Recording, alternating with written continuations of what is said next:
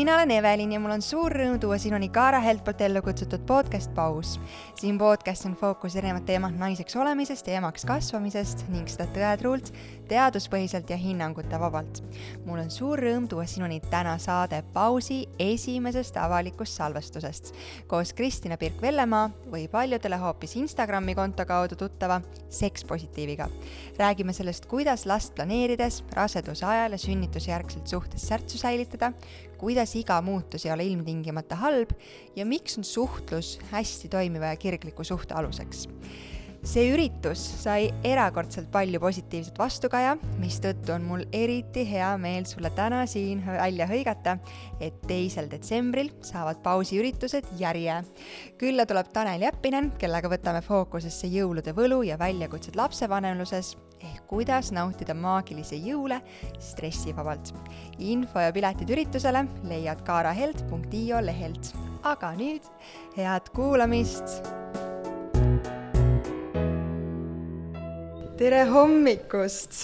nii tore on näha äh, tuttavaid ja veel mitte tuttavaid nägusid äh, siin seda esimest, esimest tähistamas ehk äh, pausi esimene sünnipäev koos esimese avaliku salvestusega. algusest peale pausi tehes täna järjekorras saab olema viiekümne seitsmes saade, kui ma ei eksi. aga kõiki neid saateid on kandnud äh, märksõnad, et teha seda saadet äh, lihtsalt, kaasahaaravalt, samas pakkuda mingit väärtust uute teadmiste ja toetuse näol, ennekõike emadusperioodil, aga mitte unarusse jättes siin äh, meesterahvaid, siis isadusperioodil ka.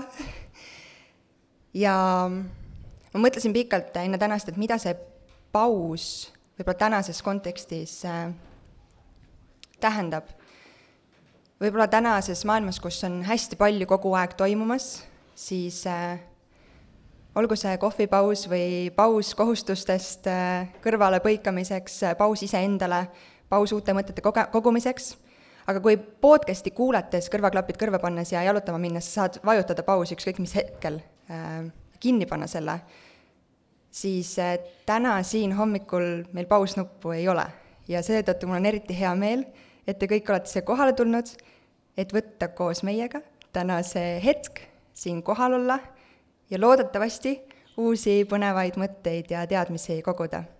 mul on hästi hea meel, et äh, tänasele esimesele avalikule salvestusele on oma õla alla pannud äh, Pure Shores, Puka, MySnack ja Ecosh, kelle te leiate enda kingikottidest, loodetavasti saate seda energiat, mis siin täna see salvestus pakub, siis kodus nende mõnusate toodete ja snäkkide seltsis edasi nautida, et see energia kannab äh, edasi ka. aga kuna ma saan aru, et ma olen hästi suur rääkija ja tegelikult täna ei ole üldse minu koht rääkida, vaid suu kinni panna ja anda hoopis külalisele sõna, siis äh, Kristina, aitäh, et sa tulid juba ette. sa oled äh, tead, ma teen hoopis vastupidi, ma ei ütlegi, kes sa oled, sest äh, sul on nii palju erinevaid tiitleid ja rolle ja ameteid ja sinu kohta natukene nüüd see eeltööd te-, tehes, ma pean ütlema, et tavaliselt ma äh, külaliste kohta liiga suurt eeltööd ei tee ja äh, kummitusi kuskilt kapinurgast välja ei otsi, aga tänase avaliku salvestuse valgus, valguses ma tundsin sellist survet ja kohustust ja hirmu äh, ja ma tegin seda, aga sul on neid tiitleid väga palju. kuidas sa ennast täna ise kõige enam tutvustad, kui sa kuskile lähed? Ma hakkasin hoopis kummituste peale mõtlema, et hmm. on sul mõni kapis? meil kõigil on, ma arvan Aga.... tahad sa mõne välja tuua ka? ei ei, ma arvan, et mul ei ole ühtegi vast sellist, mille väljatulemine kogu mu, ma ei tea, identiteediga kokku võtab või mida iganes. seksuaaljõustaja on see üks ja lai ja suur tiitel, mida ma enda kohta kõige rohkem vist kasutan uh,. uh, ma olen seksoloog, aga kui inimesed sageli, kui inimesed kuulevad sõna seksoloog, siis nad seostavad selle millegi kliinilisega -hmm. et tegemist on siis äh, meditsiiniteadusega või meditsiiniteadusega kuidagi seotud äh, tegevusega või siis psühholoogiaga, aga seksuaalsus on selline biopsühhosotsiaalne nähtus, ehk siis sellel on meie nii-öelda kehaline mõõde ja, ja me kogeme ja, ja mida meie keha teeb, psühholoogiline mõõde ehk mida me mõtleme, kuidas me tunneme ja kultuuriline sotsiaalne mõõde ehk milliseid tähendusi ühes või teises ühiskonnas me asjadele anname, et ja tegelikult mina kui kultuuriuurija, kui antropoloog eh,, mitte et nagu kuidagi hästi, tegelikult väga hea meelega kergitan tõsta, saba, tõsta tõstan nüüd. saba väga kõrgele, ilma kultuurita me ei meditsiinis ega psühholoogias neid tähendusi asjadele tegelikult ei omistagi, et see mõjutab väga-väga palju ka seda, kuidas näiteks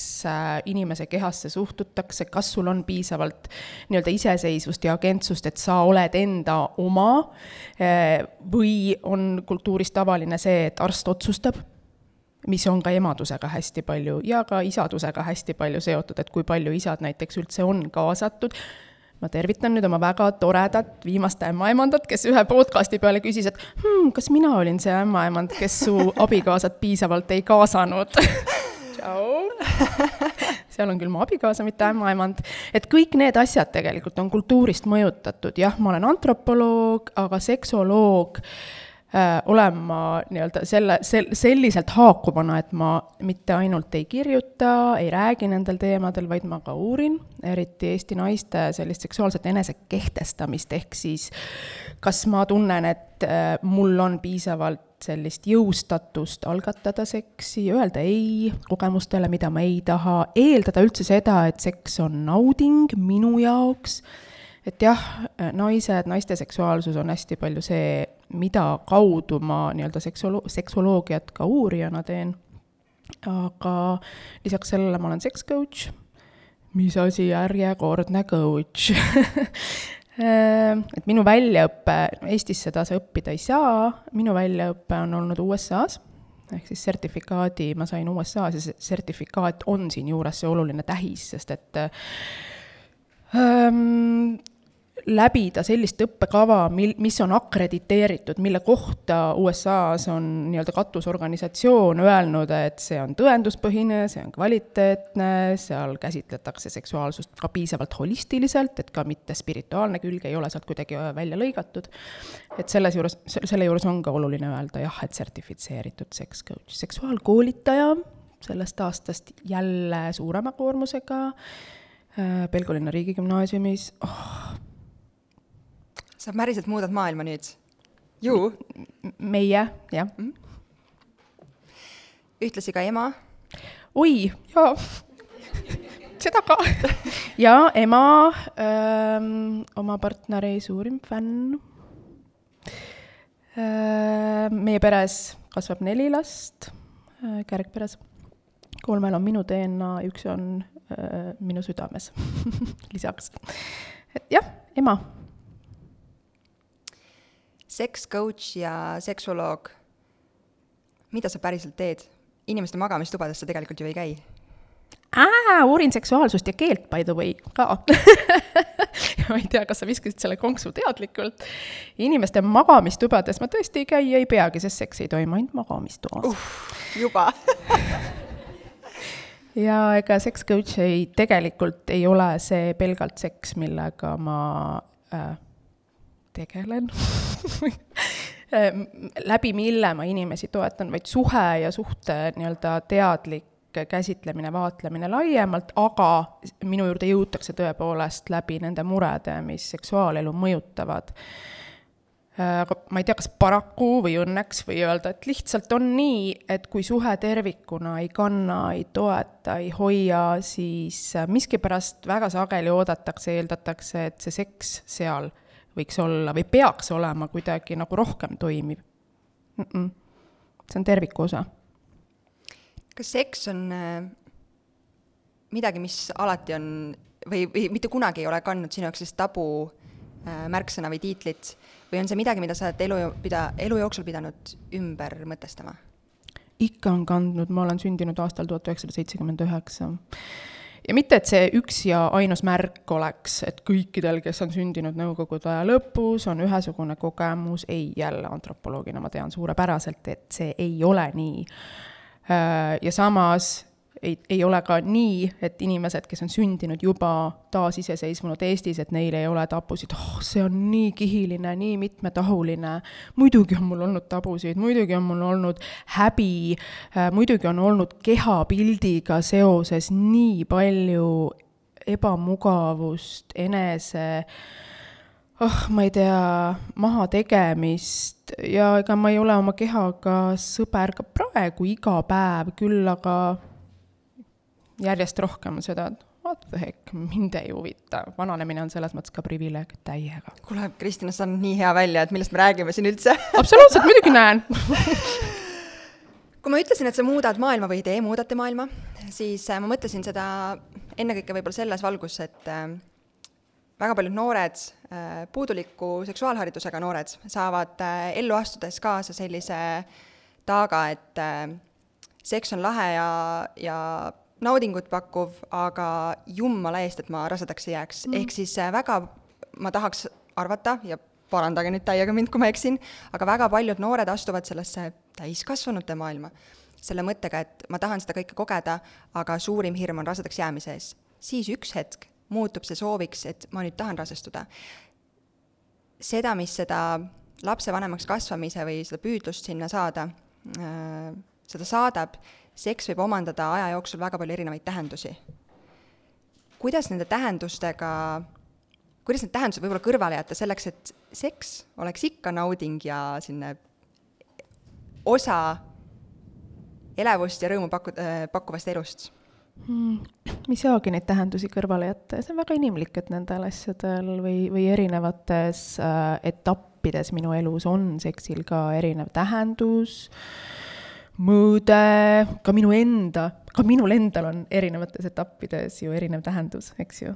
ja see ongi see, see kogu aeg see läbiv iva et seks ei ole ja seksuaalsus ei ole kuidagi eraldiseisev kõigest muust, et kõik muutub ja tähendused ka muutuvad ja see on täiega okei okay,, et tähendused muutuvad, lihtsalt et me oleksime ka teadlikud sellest, et nad võivad muutuda, see on okei okay,, kui ta muutub, ja samas noh, väga keeruline on öelda, et oleme ka realistlikud, mis see tähendab, et oleme realistlikud, kui mul ei ole seda kogemust veel, näiteks äh, mis puudutab ka raseduse planeerimist, rasestumist või rasestumise ootamist, ootamist, äh, kui mul ei ole seda kogemust, väga keeruline on paigutada ennast sinna, et äh, sellesse mõttesse näiteks, et rasedus ei pruugigi tulla nii-öelda lihtsalt või et see võib võtta aastaid või et see ei pruugigi minu ellu tulla, kuni mul ei ole seda kogemust väga,, väga-väga keeruline on ette mõelda, et ahah, kui mu elus nüüd tuleb selline, selline periood, siis ma arvestan stsenaariumiga A, B, C, kui on stsenaarium A, siis ma mõtlen nii, käitun nii mm,, me oleme inimesed, me oleme ennekõike tundvad, kõigepealt on tunne ja siis tulevad mõtted. aga kui meil on ruumi nendest asjadest rääkida, siis vähemalt ankurduvad mingisugused sellised ivad või mõtted või, või ka see teadmine, et ahah, et see kõik ei käi stsenaariumi järgi, et see kõik ei ole üks-ühele nii. seal on ruumi avastamiseks, muutumiseks, seal on ruumi ka eksimiseks, mida iganes see eksimine seal ka ei tähenda, eks ju, jälle need tähendused, sõnad. jah. aga praktiliselt see see niiviisi sõnumina või sõnades kõlab väga hästi ja väga lihtsalt mm., aga päriselt äh, last planeerivale paarile, kui äh, ma ei tea, kas kalender ütleb või mm -hmm. sisetunne ütleb või evolutsiooni, evolutsioonitest näitab kahte triipu, et juhuu, homme on pidu mm, -hmm. mees, tule koju, meil läheb äh, tegemiseks mm, -hmm. siis äh, seksiks. Läheb seksiks siis kuidas selle kõrval jätta selline inimlikkuse aspekt ja see tunnete aspekt ka ikkagi ellu mm.? Vot nagu me ka laivis rääkisime, eks ju, sellel nädalal, et vahel võib minna jälle, kui ta ja kui see planeerimise periood on pikem, eks ju, või tuleb see, et ahah, kolmas kuu, neljas kuu ikka seda ei ole ta-ta-ta-ta-ta, et sealt tuleb see surve peale, aga jälle teadlikult mõelda, mis see, mis see seks ka muuhulgas on mis see seksuaalne lähedus on lisaks sellele, et me planeerime last, me planeerime beebit, kuidas me saame olla seksuaalselt lähedased ka ilma penetratsioonita, mida enamasti on vaja selleks, et rasestuda. noh, see on kõige tavalisem rasestumise viis, mis me siin ikka nagu teha saame et kuidas me oleme, kuidas me komplimente teeme üksteisele ja et nad ei oleks niisugused shade'id või sellised kuidagi ka, ma ei tea, laetud ka negatiivses mõttes, kuidas me hästi ütleme üksteisele, kuidas ma näitan oma partnerile välja seda, et ma ihaldan teda, ilma et see peaks tähendama seda, et me nüüd hakkame seksima.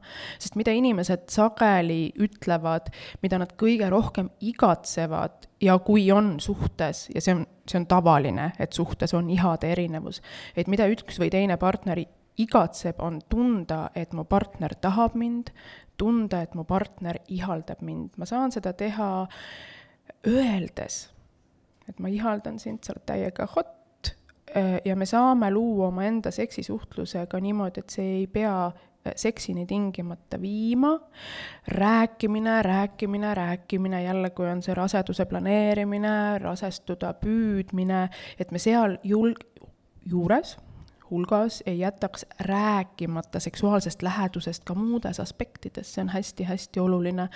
ja et see oleks koos kantud kogemus, et kui sa noh, enne rääkisid ovulatsioonist ja sellest, et oo, kaks triipu läheb nüüd seksiks ähm,. sageli see kipub minema nii, et seda ovulatsioonikalendrit loeb see inimene, kes, kellel on ovulatsioon, noh, enamasti identifitseerivad need inimesed ennast naistena äh,, ja see, see justkui ka natukene tekitab sellise isolatsioonitunde või sellise, et see on nüüd minu vastutus, sest et see on minu keha, täiesti arusaadav, sest ovulatsioon toimub ju minu kehas. aga, aga et sa ei pea seda kandma üksinda, sa võid kõiki neid mõtteid jagada oma partneriga, noh muidugi me nagu üks-ühele kõiki neid mõtteid, mis meil peas on ja neid tundeid, mis meil sees on, et me ei laota neid niimoodi vaibana laiali, aga, aga et me saame ikkagi jagada seda partneriga, jagada neid tundeid, jagada süütunnet, mis sageli võib ka olla, sest see on minu ovulatsioon, mis, ma ei tea, veab alt või minu keha, mis veab alt. rääkida, jagada, olla lähedased vaimselt, füüsiliselt ja, ja ideaalmaailm, aga päriselt katsetage, vaadake. Kas ma häkki tohin jagada? muidugi miks ma tunnen, ma olen nõus sinuga, et see avatud suhtlus ja rääkimine on äh, kõige aluseks ähm,. Kaara, siit teile ka üks vihje äh,. äpp, mida ma kasutan äh, järgmise raseduse planeerimiseks, äh, tegi hiljuti äh, sellise lisandväärtuse juurde, et seda äppi saab äh, partneriga jagada. mis tähendab, et äh, mõni aeg tagasi tuli mu mees koju, kuule, kallis, ma nägin äpist, et sul on homme ovulatsioon super, absoluutselt. kui palju selle rääkimise ja avatud suhtluse taustal, kas üldse, mängivad rolli küünlad, pime ruum, maasikad šokolaadis, mänguasjad, vähe napim pesu? stereotüübid äh, mängivad, kui see on sinu mäng.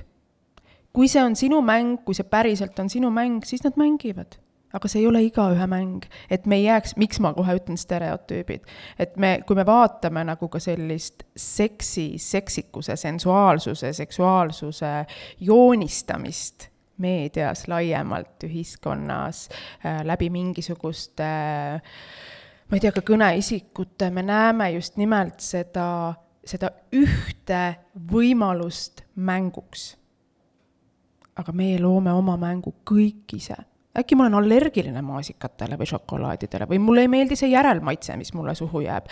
äkki mulle meeldib valges ruumis, võib-olla mulle meeldib soojem ruum, võib-olla mulle meeldib äh, jahedam ruum äh,. võib-olla mulle ei meeldi see pitspesu, äkki ma tunnen liiga palju seda enda seljas, äkki minu jaoks on seksikad bokserid ja nii edasi ja nii edasi, et ei ole ühte viisi olla sensuaalselt naiselik, ei ole ühte viisi olla kuidagi äh, ma ei tea, maskuliinne või mehelik, sellel on niivõrd palju erinevaid viise, aga ma ei öka kellegi nämmat. kui see on kellegi jaoks see minu mängumaa, see minu mänguruum, need minu mänguasjad ja sealhulgas ka seks mänguasjad, go for it kui see sind toetab, lihtsalt julge avastada, mis see on, mis mind toetab ja kui ma tajun ja tunnen, et okei okay,, mulle see ei meeldi või see ei ole minu, siis on see täiesti okei okay., sa ei ole friik, tegelikult me oleme kõik friigid ja see on täiega tore väga aus. see on täiega tore, igaüks on omamoodi friik, palun olge omamoodi friigid.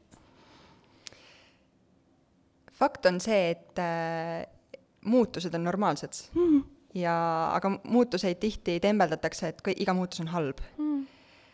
Äh, ja fakt on ka see, et äh, lapsevanemlusperioodil äh, ka romantiline suhe saab erinevate tegurite poolt erinevaid väärtusi ja ka muutusi. on see siis, ma ei tea, naisterahval suur kasvav kõht, mis jääb erinevates asendites ette ja ei ole enam nii mugav, või siis hiljem laps, kes jookseb kohale valel hetkel vales kohas. Mm. kuidas nende kui see füüsiline lähedus võib-olla ei ole nii võimalik mingil perioodil, kuidas seda emotsionaalset sidet jätkuvalt äh, hoida? Aga füüsiliselt saab olla lähedane nii erinevatel viisidel, kõige sagedasem esimene asi, no massaaž, no okei okay,, mõnele inimesele võib-olla ei meeldi. jälle, okei okay,, see ei meeldi, selle tõstame praegu laualt maha. on see kas või see, et me istume koos diivanil ja meie jalad puutuvad kokku või on mu jalad partneri süles või ma ei tea, väike patsutus pepu peale. Need, need on nagu nii-nii palju erinevaid viise ka ilma jälle, ma ei taha öelda ilma, ühesõnaga tead mul on ka see küsimus sageli, et mida inimesed arvavad, mida ütleb nende suhte kohta see, kui nad ei seksi nii, nagu neilt äh, justkui oodatakse või ühiskond, et, et miks me, mis see on, mis meile tundub äh, meie suhte kohta vale äh, kui ei ole mingit keskmist arvu, keskmist, ma ei tea, poosi, tupeorgasm, oh my god kõiki neid asju, see tupeorgasm on ka selline ülemüstifitseeritud asi tegelikult oma olemuselt. et et äh, ja seda on oluline ka teada, et jälle kõik need surve, surved või need tunded, et ma ei ole täius, täiuslik, ma ei ole täiu-, täielik ilma sellise või sellise kogemuseta, mida väljastpoolt mulle keegi ütleb, on ju. et me saame olla lähedased sõnades, me saame olla lähedased füüsiliselt väga-väga erineval viisil, äh, me saame avastada, kusjuures mida ka inimesed on jaganud, on see, et need äh, perioodid, need hetked, kus kehaliselt võib-olla on rohkem piiranguid, piiranguid, on tõesti kasvav kõht või, või ma ei tea, mul on mingisugused ebamugavused või, või sa oled kuidagi stiff, issand, mis see eesti keel on, kange ta,, ta-ta-ta-ta-ta, ei paindu praegu nii hästi, et siis avastatakse teisi viise, uusi viise, erinevaid nautimise viise, mis jälle ei ole see penetratiivne seks, vaid ta võib olla erinevate kehapiirkondade stimuleerimine, meie keha on nii-öelda uh,. Wired? Mm.. ühendatud? jaa, no kuidagi ühendatud naudinguteks üle keha, lihtsalt on erinevatel inimestel jälle erinev, et kellelgi on, ma ei tea, varbad tundlikumad, kellelgi rinnanibud, kellelgi selg, avastage, uurige, vaadelge seda, et mm, teadlased on uurinud seda, eh, mida ütlevad need inimesed oma seksi kohta, kes Äh, ütlevad, et nende seks on imeline.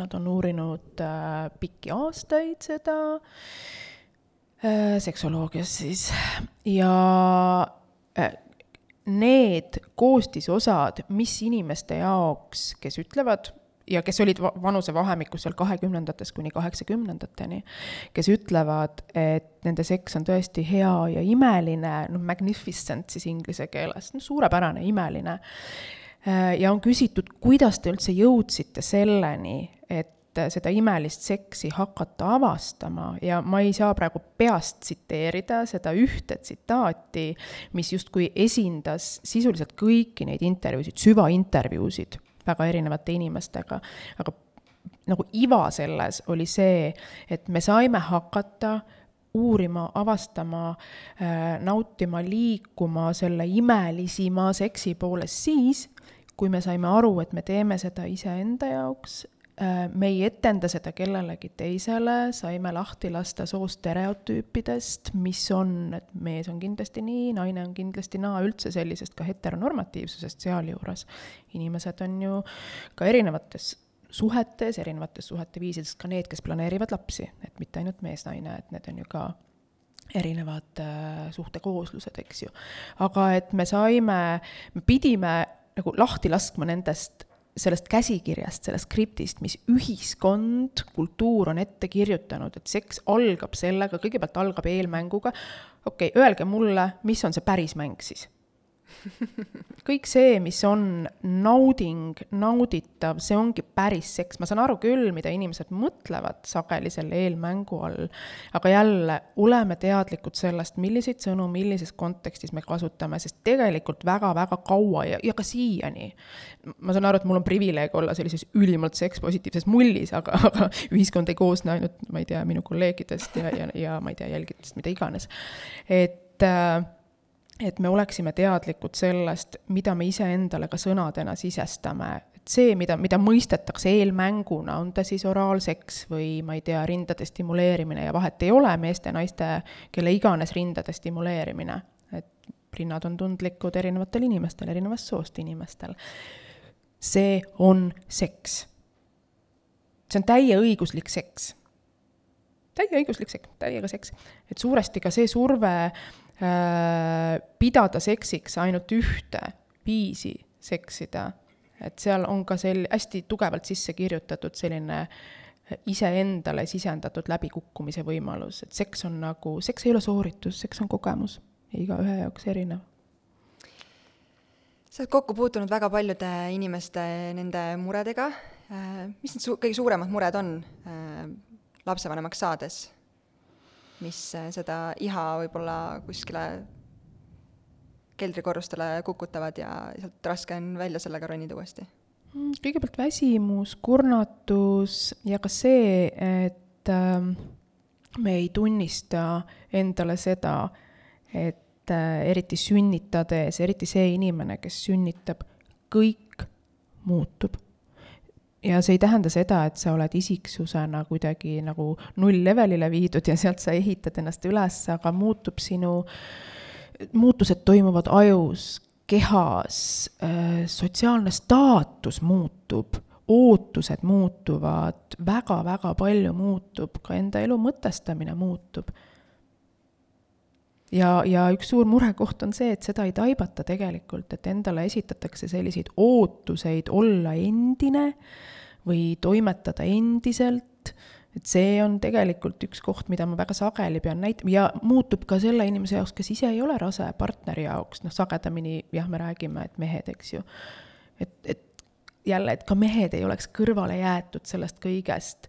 Ja samas, et mõistetaks, et see on raseda keha mis on valmistunud raseduseks, mis on olnud rase, mis on sünnitanud, sa oled enda seest välja siia maailma toonud inimese. anna endale aega, asu ja hõlpu. ja väga sageli on muret selles, et tegelikult koormust ei jagata.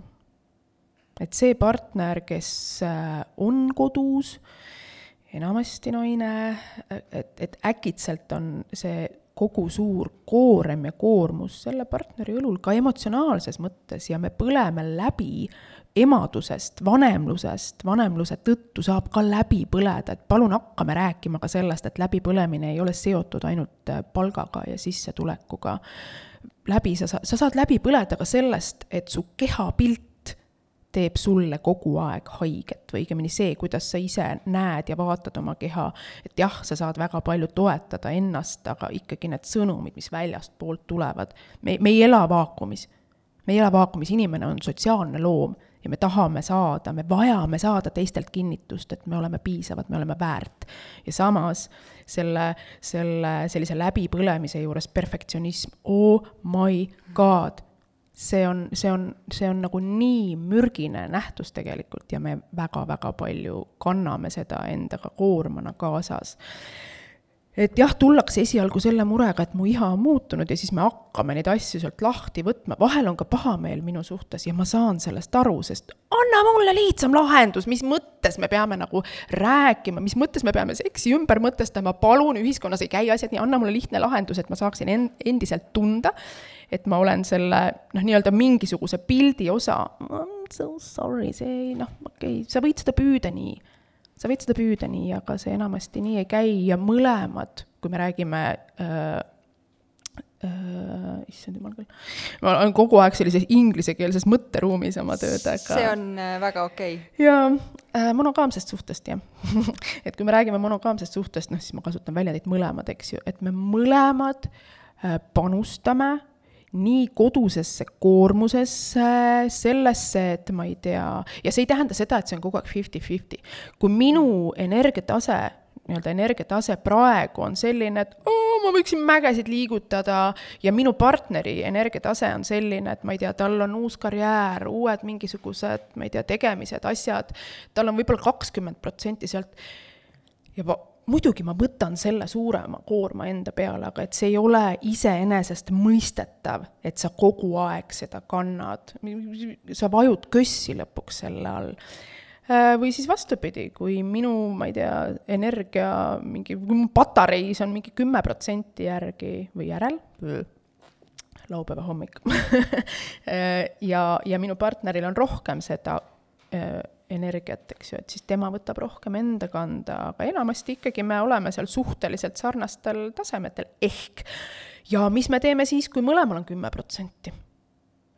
see, sellistest asjadest on ka vaja rääkida, sellepärast et ka selliseid eluperioode tuleb ette, kui mõlemad on täiesti lääbakil võib-olla et mida no, me siis saab? teeme. tuleb tugivõrgustik appi või? ja, ja see tugivõrgustik või tugivõrgustik võiks niikuinii olla toeks olemas, vahel paraku noh, ma kipun nagu või me vahe, vahetevahel me kipume unustama seda, et kõikidel ei ole sarnane tugivõrgustik, on inimesed, meil näiteks on äh, nii minu vanemad kui minu äh, partneri vanemad, ma ei tea, on siin tädisid, onusid, noh, keda iganes, erinevaid inimesi, on ka inimesi, kellel ei olegi päriselt mitte ühtegi sugulast ja ei olegi võimalik või ei olegi seda rahalist võimalust äh, palgata ka lapsehoidjat noh, mida me siis teeme, keeruline, mida me siis teeme, et äh, siis ongi väga-väga palju ise äh, suhtes, nii-öelda mitte ise suhtes, vaid suhtes teineteisele toetuda, kuigi see teineteisele toetumine on niikuinii oluline, aga jah,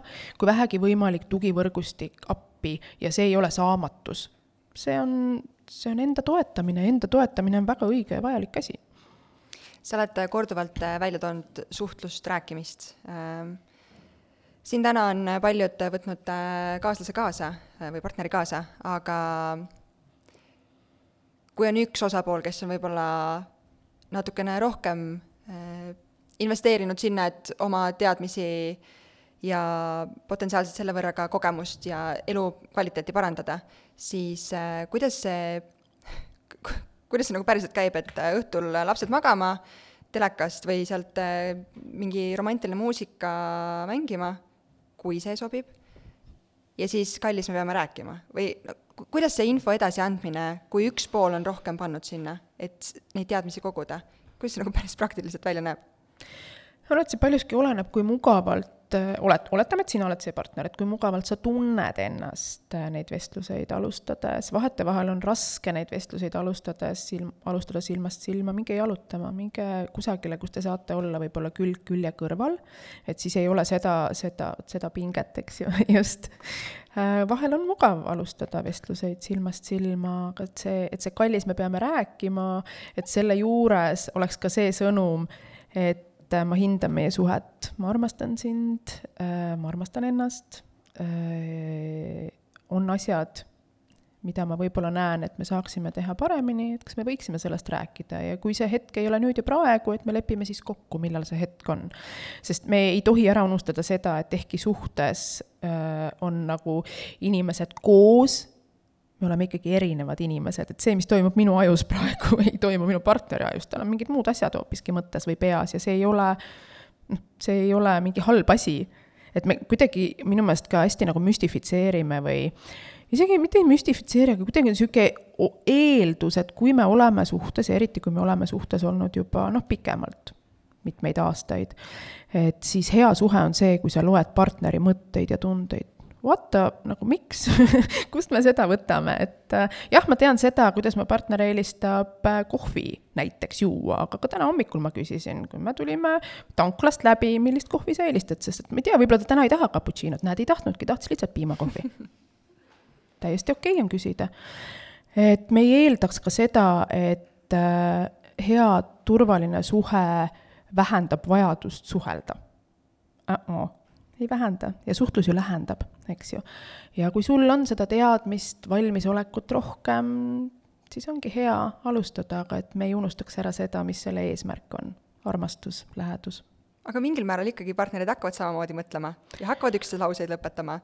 vahetevahel, aga mitte alati, partnerid on ka erinevad. mul lihtsalt, mul tuli sellega meelde äh, mu abikaasa lemmiksaade on Rooside sõda Kristjan Jõekalda, ilmselt kõikidele tuttav, ütles ühes hiljutises podcastis, et äh, ta mitte kunagi ei soovita Rooside sõjas minna lõppmängu, kus siis on, mõlemale esitatakse samad küsimused äh, ja nad peavad andma erinevad vastused äh, kahel koos elaval isikul, sest nad lihtsalt mõtlevad ühtemoodi ja annavad samu vastuseid. aga see, nii nagu sa välja tõid, et see ei ole ilmtingimata, me ei saa eeldada seda teiselt osapoolelt, et ma tean, millist kohvi ta täna hommikul tahab mm. -hmm lapse vanemaks saamine võib-olla seal, kui see, isegi see vahetu sünnitusjärgne periood on läbi ja pisikesed jooksevad toas ringi, siis äh, ma ise kuskilt lugesin, et äh, et noh, aga tee siis ruttu see kähkukas või minge koos, emme-issi lähevad vetsu. Te võite minna, kui see teie thing on, täiega, kui see on. aga kuidas päriselt saab? Paremini? ma ei tea, mõne jaoks see ongi super et see, et see ei ole minu thing, ei tähenda seda, et see kõigi jaoks ei ole, aga okei okay.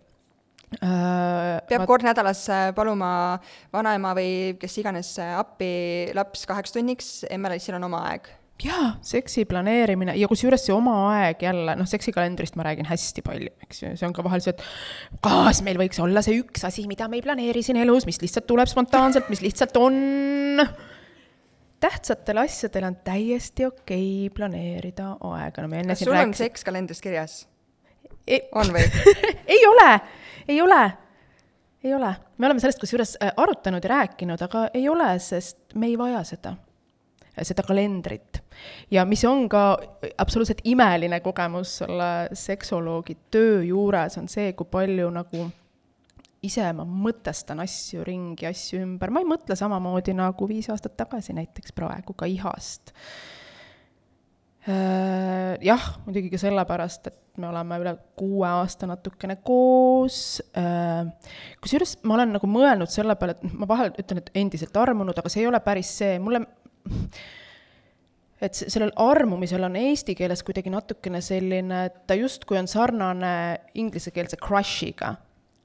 aga see tunne, mis, mis, mis mul on, mis meil on, mida me oleme peegeldanud, on see armastuse sees olemine ja me, noh, me oleme nii palju rääkinud ja me räägimegi omavahel hästi-hästi palju, et need tähendused meie jaoks on väga läbi peegeldatud, kuigi me endiselt ju õpime ja avastame äh, ka üksteise kohta ja see on väga lahe ja väga tuus, sa ei ole mitte kunagi lõpuni valmis, ka suhtes mitte, sest et me muutume inimestena ja me toome need muutused ka suhtesse, see on täiesti, täiesti okei. Okay. aga see jällegi oleneb ka inimesest, mis kellegi jaoks on atraktiivne oma partneri juures, minu jaoks on väga atraktiivne, lisaks sellele, et on ülimalt ilus mees. Tema äh, intellekt, see, kuidas ta asju mõtestab, see, kuidas me mõlemad ka spirituaalsust äh, äh, ma ei tea, mõtestame, oluliseks peame ja samal ajal oleme ka väga skeptilised teatud asjade suhtes, aga mitte äh, kuidagi äh, et kogemusena me oleme uudishimulikud ja see kõik on päriselt ka seksuaalsuhte osa ka meie jaoks. ja, ja see, need väikesed asjad, see teadmine, et suudlus ei pea viima seksini või ka see, et, et sa oled täiega hot ja ma täiega tahan sind, aga ma ei taha praegu seda seksi, ma ei noh, mul, mul ei ole, ma olen väsinud või mida iganes ja, ja ma noh, me kumbki ei pea nagu pikalt selgitama, miks see nii on, aga, aga jälle selle taga on hästi palju suhtlust ja, ja mitte pingutatud suhtlust. ma ei, ma ei arva, et kõik suhted äh, loomulikult on ühesugused ja et inimesed äh, suhetes äh, on õnnelikud samasugustes mustrites, absoluutselt mitte. aga see suhtlus äh, on vältimatu ja, ja kui ta on äh, mõtestatud kui läheduse hästi oluline osa, see tuleb hästi loomulikult ühelt maalt, mis ei tähenda seda, et ei ole erimeelsuseid, ei ole konflikte, ikka on, aga turvalistes suhetes, hoidvates suhetes on ka need ähm, sellised tülid pigem suhet tugevdavad, nagu ma olen kasutanud hästi palju treenimise metafoori, et kui ma, ja ma tean, et valusad lihased ei ole tingimata selle tunnus, et nüüd oli nii hea trenn, et homme sul on nagu rohkem toned muscles, nii-öelda toonitud lihased. oh, see inglise keel. et äh, aga kui me nagu vaatame seda sellist turvalist tülitsemist, USA teadlased, Gottmanid, abikaasad, aastakümnete pikkuse tööga on nad nagu nii palju panustanud äh, sellisesse turvalise tülitsemise diskursusesse siis, äh, et turvalises suhtes, hoidvas suhtes on väga okei tülitseda ja kui ma nüüd selle äh, lihase metafoori juurde tulen, need tülid lähendavad meid, nad tekitavad nii-öelda, see on küll rupture, nad tekitavad mingisuguse sellise äh, rebendi, aga see rebend muudab suhet selle läbi äh, lähedasemaks, paremaks, et me õpime midagi enda kommunikatsioonioskuste kohta jälle, me saame kinnituse, et äh, mitte midagi ei juhtu, kui me oleme eriarvamusel ja me mõlemad väljendame seda, me saame kinnituse, et aa, minu partner näiteks sellises olukorras toimib nii või tuleb toime nii, me õpime teineteist jälle paremini tundma, võib-olla midagi on jälle vahepeal muutunud ja nii edasi ja nii edasi. et jah, me vist alustasime seksikalendrist, ei, meil ei ole sekskalendris. aga sa põhjendasid mulle väga hästi ära selle, et äh, meil on abikaasaga nii, et äh, mida suurem tüli on, seda parem seks on ka järgi. täitsa võimalik, kui see on sinu asi jälle, thing, palun väga. nüüd, ma olen friik, jah ma ütlesin ju kõik, nagunii oled, sest me kõik omal moel oleme ja see on väga lahe aga tulles tagasi selle kalendri juurde, äh, see on su, on see esimene soovitus äh, värsketele lapsevanematele, panna sekskalendrisse kirja? ei, alati ei ole, sest ega seksikalender ei toimi siis, kui suhe tervikuna on tasakaalust väljas, et see ei ole mingi võluvits, kindlasti mitte. et kui on näha, et üks partneritest on väga-väga suure, et ta on lihtsalt selle koorma all pooleks minemas, on ka võib-olla ei ole tugivõrgustikku piisavalt või mida iganes, et see suhe ei ole ka hoidev ja toetav, äh, no siis, siis ei toimi see. Ega siis sinna kalendripäeva, sinna kolmapäeva tulevad need suhtevalud ikkagi kaasa, millega me teadlikult ei tööta.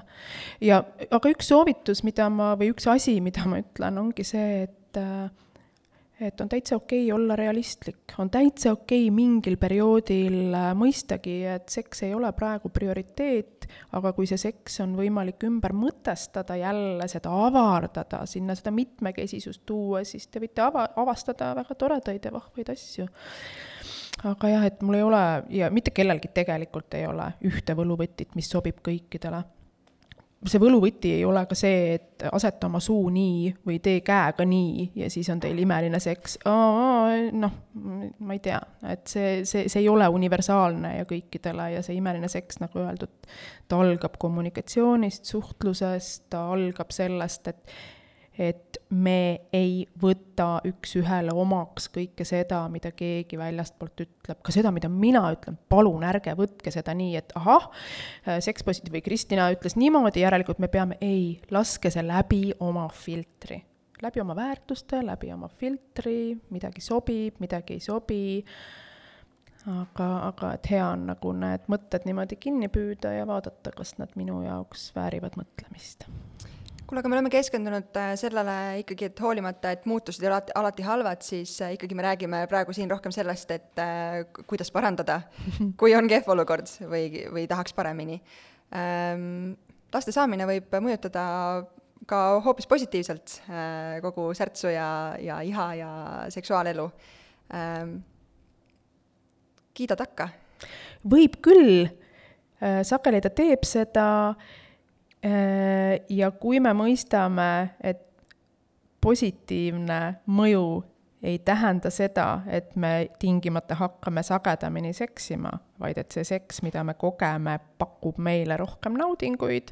sageli inimesed kuidagi viivad hästi omavahel kokku selle, et, äh, rahuldust pakkuv, kusjuures nagu rahuldust pakkuv, see on see, kuidagi, jälle keel on hästi tunnetuslik, on ju, et kui ma ütlen rahuldust pakkuv, siis see tundub kuidagi niimoodi noh, et see on rahuldust pakkuv, aga tahaks midagi enamat, no ei pea olema seal alati, ma ei tea, mingisuguseid äh, hulle sky leveleid. aga et kui öeldakse, et äh, seks on veel rohkem rahuldust pakkuv, et siis ei seostaks seda ting-, ei seostataks. Ja sageli ei seostatagi kusjuures üha enam, seda sellega, mitu korda nädalas või kuus seksitakse, vaid millist seksi kogetakse. Ja mida, mida rohkem on ka enesekindlust, ka kehapilt võib-olla, kusjuures mida naised ka need naised, kellega ma oma magistritöö raames intervjuu tegin ja neid oli kakskümmend kaks, mida nemad hästi palju peegeldasid ja, ja seda näitavad ka erinevad teised uuringud, on see, et lapse sündides või pärast sünnitust midagi sageli su enesekindluses muutub. võib-olla ka see, et, et, et kõik nagu ei tiirle justkui enam ümber sinu, et see on nagu paratamatus, et noh, siin on nagu muid asju ka, on ju, millega arvestada. ja mingi kehaline enesekindlus ja mida iganes, kuigi pärast sünnitust on ka väga palju, vastupidi, ebakindlust ja kui me saaksime ära lõpetada need meedia pealkirjad, et näed, kaks kuud pärast sünnitust ta on ideaalvormis. Mm.. kuidas, mis nippe sa annaksid teistele sünnitajatele, et nendel oleks ka samasugune lame kõht pärast sünnitust? oma keha tagasisaamine, mida see tähendab? Äh, jah, oma keha tagasisaamine mm,, just. Ideaalkeha tagasisaamine ja kui me vaid teaks, kui palju need inimesed, kellel on jutumärkides ideaalkeha, oma keha sageli vihkavad, sellega konfliktis on aga kust see tuleb, kas see on jätk-, järjekordne selline näide, mida, et need, kes kõvemini karjuvad, nende need loosungid ja pealkirjad jõuavad kuskile äh, meediasse või mis selle taga on, et meil on vale arusaam sellest ideaalkehast? ma ei tea, kui kõik inimesed homme, oletame, et homme on pühapäev, kõik märkame üles ja otsustame, et kuule, ma olen endaga täiega rahul, täitsa, no nagu täitsa rahul, et ma ei, ma iga päev võib-olla ei ole kümme kümnest, aga et ma olen endaga täitsa rahul ja ma enam ei tunne, et ma peaksin mingisuguseid äh,, ma ei tea, aparaadi protseduure tegema või mida iganes, või dieeditama. ilutööstus, dieeditööstus läheks pankrotti selle peale. Et siit sulle vastus, et kust see surve tuleb, me sageli ei, ei märkagi seda, ei tajugi seda, see on, see on nagu nii suur mull meie ümber ja, ja väga-väga suur osa ongi sellest ilutööstusel, aga mm, noh, me võiks ennast mitte vaadata kui ohvreid selles mõttes, et sul on tegelikult, kui sa valid, kui sa valid, et ma otsin neid ressursse, mis aitavad mul selle survega toime tulla, siis sa tuled selle survega järjest paremini toime. aga see on jälle ka kas iseenda poolt või väline surve? ehk Mõlemad. siis seks coach'ina ja sa oled siin välja toonud, et suhtlus on kõige alus ja sa suunad inimesi ilmselt suhtlema äh, omavahel. mis su esimene küsimus on või kus sa seda mustrit äh, lah-, lahti hakkad arutama? see täitsa oleneb, sest inimesed ei tule ka alati, alati, alati ühesuguste murede või asjadega, kuigi seal noh, mingisugused mustrid on. mida seks tähendab? Kõigepealt muidugi ka see, see ei ole esimene küsimus, kõigepealt ma loon üldse turvalise ruumi, sest see, et mina räägin hommikust õhtuni seksist, see ei tähenda seda, et inimesed seda teevad, eks ju.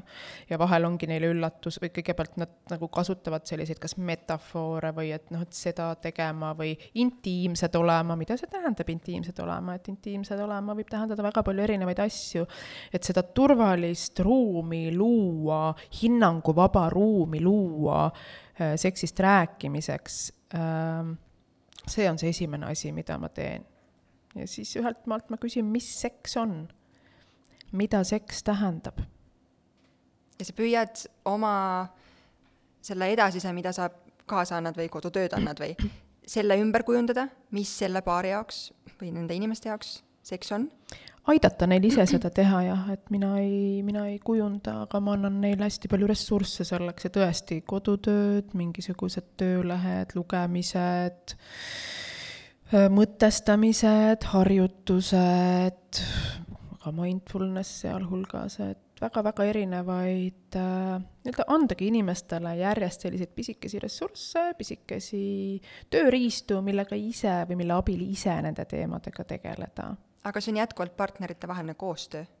jah, kui me räägime partneritest, alati ei, ei ole esiteks mm, esiteks äh, käivad minu juures ka inimesed, kes äh, on vallalised või ei ole siis suhtes, käivad inimesed, kes on suhtes, äh, aga kelle partner kas ei ole valmis tulema või kelle partner veel ei tea, et nad on käinud, et kõigepealt nad tahavad ise üldse sellist enesekindlust natukene ehitada ja, ja tulla natukene valmistunumalt võib-olla koos partneritega, vahel on inimesed, kes tulevad ilma partnerit, ta ja, ja noh, tegelikult sealt peegeldub suhteprobleem väga,, väga-väga suur suhteprobleem. Ja siis ongi minu asi öelda, et me saame tegeleda sinu enesetundega, sinu enesekindlusega või enesehinnanguga, sinu äh,, ma ei tea, tähendustega, aga me ei saa tegeleda sina ja mina siin ja praegu teie suhtega tervikuna, et kui suhtes on probleem, siis on ikkagi probleem mõlemal inimesel, kui me räägime jälle monogaamsest suhtest kus seda, kust seda vestlust, ma enne küsisin ka, aga kuidas seda, noh, ilmselgelt ühegi vestluse alguseks, et kallis, me peame rääkima, mis on vist, kui ma neid sõnu kuulen, siis punased lipud, jookse. aga, aga kui on, võib-olla isegi kõik on hästi pealtnäha, aga on mingi ühel partneril soov midagi muuta. Mind hirmutab see mõte, et äh, seksi ajal ma ütlen, et kuule, tee nüüd teistmoodi, sest see on justkui nagu mood killer. ma tahaks selle enne läbi rääkida ja siis me asu-, asume asja kallale. Mm.. aga mõne, vahel tundub ka totter, et äh, nüüd räägime, et ma tahan, et sa hoopis teeksid nii, et ma samal ajal keedan hakklihakastet ja siis ütlen, et äh, kuule, et äh, õhtul, kui laps on magama pandud, et siis prooviks täna nii. Why not? miks mitte Hak-, mm, hakklihakaste ja kartulipudel mm. miks mitte? thanks a lot, nüüd on mul toidumõtted peas.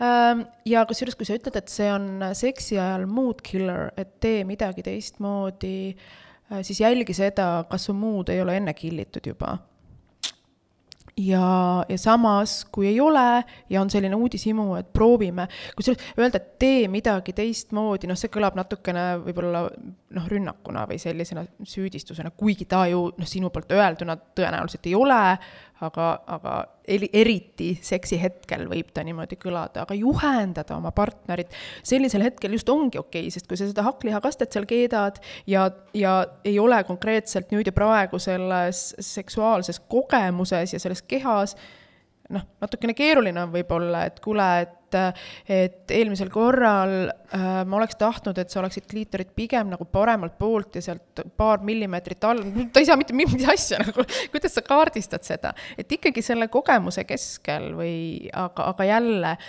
seksikommunikatsioon ja seksijutud, erinevatel hetkedel erinevad jutud, et kui äh, me räägime näiteks sellistest asjadest, mis on väljakutse või probleem, et siis pigem neid asju otseselt keset seksi mitte rääkida ja ka vahetult pärast seksi mitte, sest need on sageli sellised hästi haavatavad hetked, kus võiks seda lähedust luua, et pärast seksi võiks anda tagasisidet sellele, mis oli nauditav, mis oli hästi, mis oli mõnus, aga ka seksi ajal äh, juhendada on täiesti okei okay., jälle on küsimus selles, et kuidas seda teha.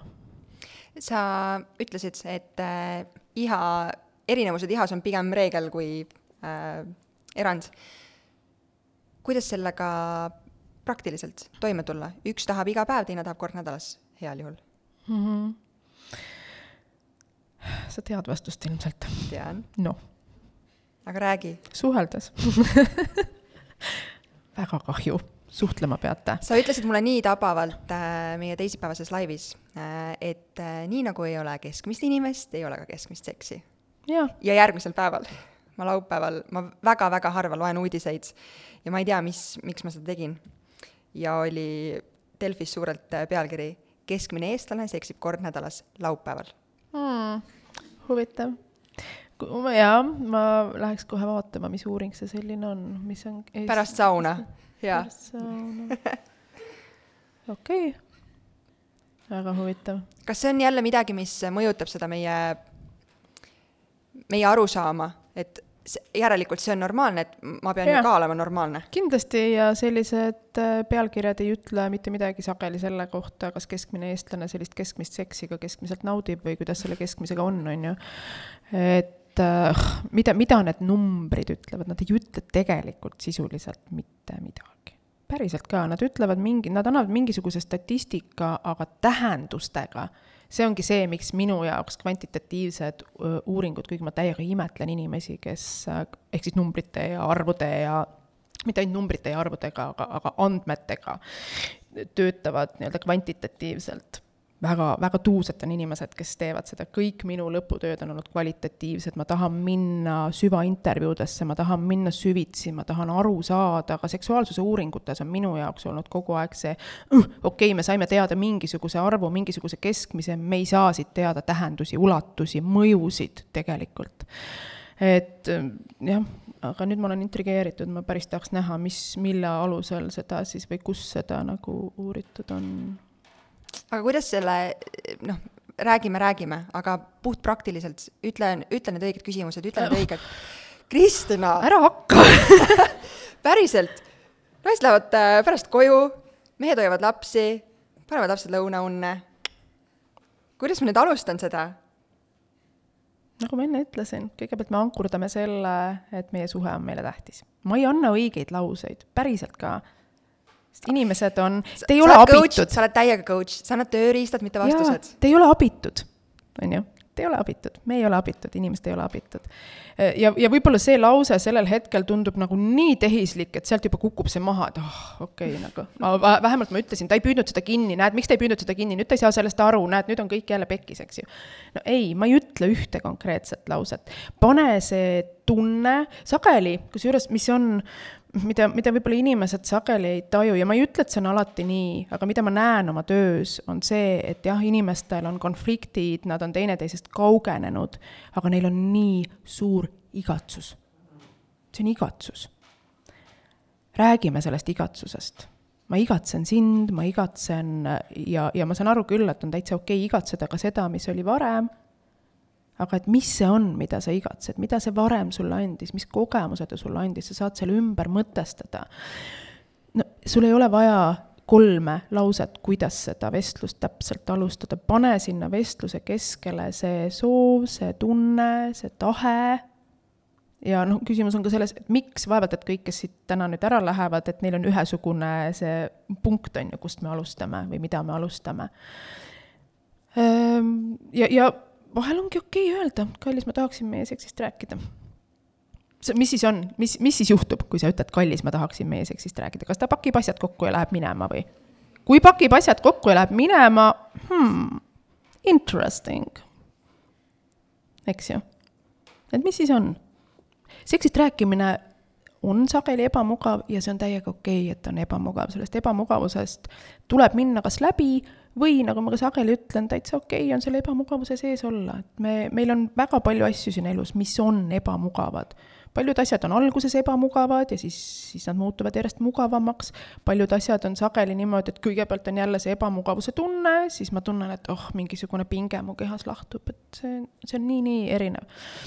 kõik kõige ebamugavamad vestlused ja teemad viivad meid tegelikult kõige kaugemale ma ise vähemalt tunnen, ma ei tea, kas või rahast rääkimine mm, -hmm. ülipaljude partnerite puhul väga keeruline ja. teema, mida puudutada. ja nii kui hakatakse rahast rääkima, siis lennatakse uh, kõrgele oma finantsmaailmas. jaa, ja näiteks Rahareede podcast mm, ma olen Katrile, Katrile ja Kristjanile ka öelnud seda, et, et võta nüüd, eriti üks episood, kus räägitigi äh, äh, et kuidas rääkida suhtes rahast, ma ütlesin, et võta sealt see raha, asenda seksiga, tegelikult tegelikult nagu palun. There it is. kuule, raha ja seks omavahel kokku panna, see on juba järgmine teema jaa, jaa ma saan aru, et äh, täna siit keegi või pärast seda podcast'i kuulamist äh, mänguasju ostma ei jookse esimese hurraaga. võite minna, täiega võite minna, ära võta nagu tuhinat maha. kui on huvi, laske käia, ostke libestiga. aga esimese hooga läheks rääkima või osta mänguasi ja mine rääkima, depends see täiesti oleneb. aitäh sulle, Kristina mm,! aitäh sulle! mul on äh, väga hea meel, et äh, nii nagu ma alustasin vist äh, teisipäeval laivi, et äh, sa oled toonud äh, pimeda magamistoa tekialused teemad päevavalgele siis äh, praegu laupäeva hommikul päevavalgel või noh, nii palju, kui see seda siin oktoobri lõpus Eestis on rääkida nagu nii nagu ma ei tea, me räägiks uuest kirjandusest või kohvist või Jah. sellest, mida õhtul süüa. aitäh sulle, et sa seda teed, muudad maailma, päriselt.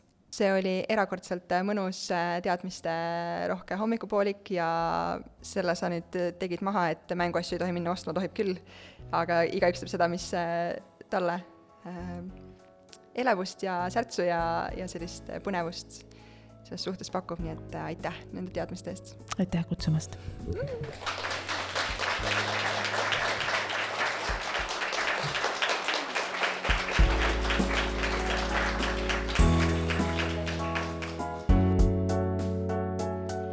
saate toob sinuni Kaara, naiste tervise ja heaolu edendaja rasedus- ning emadusperioodil. vaata lähemalt kaarahealth.io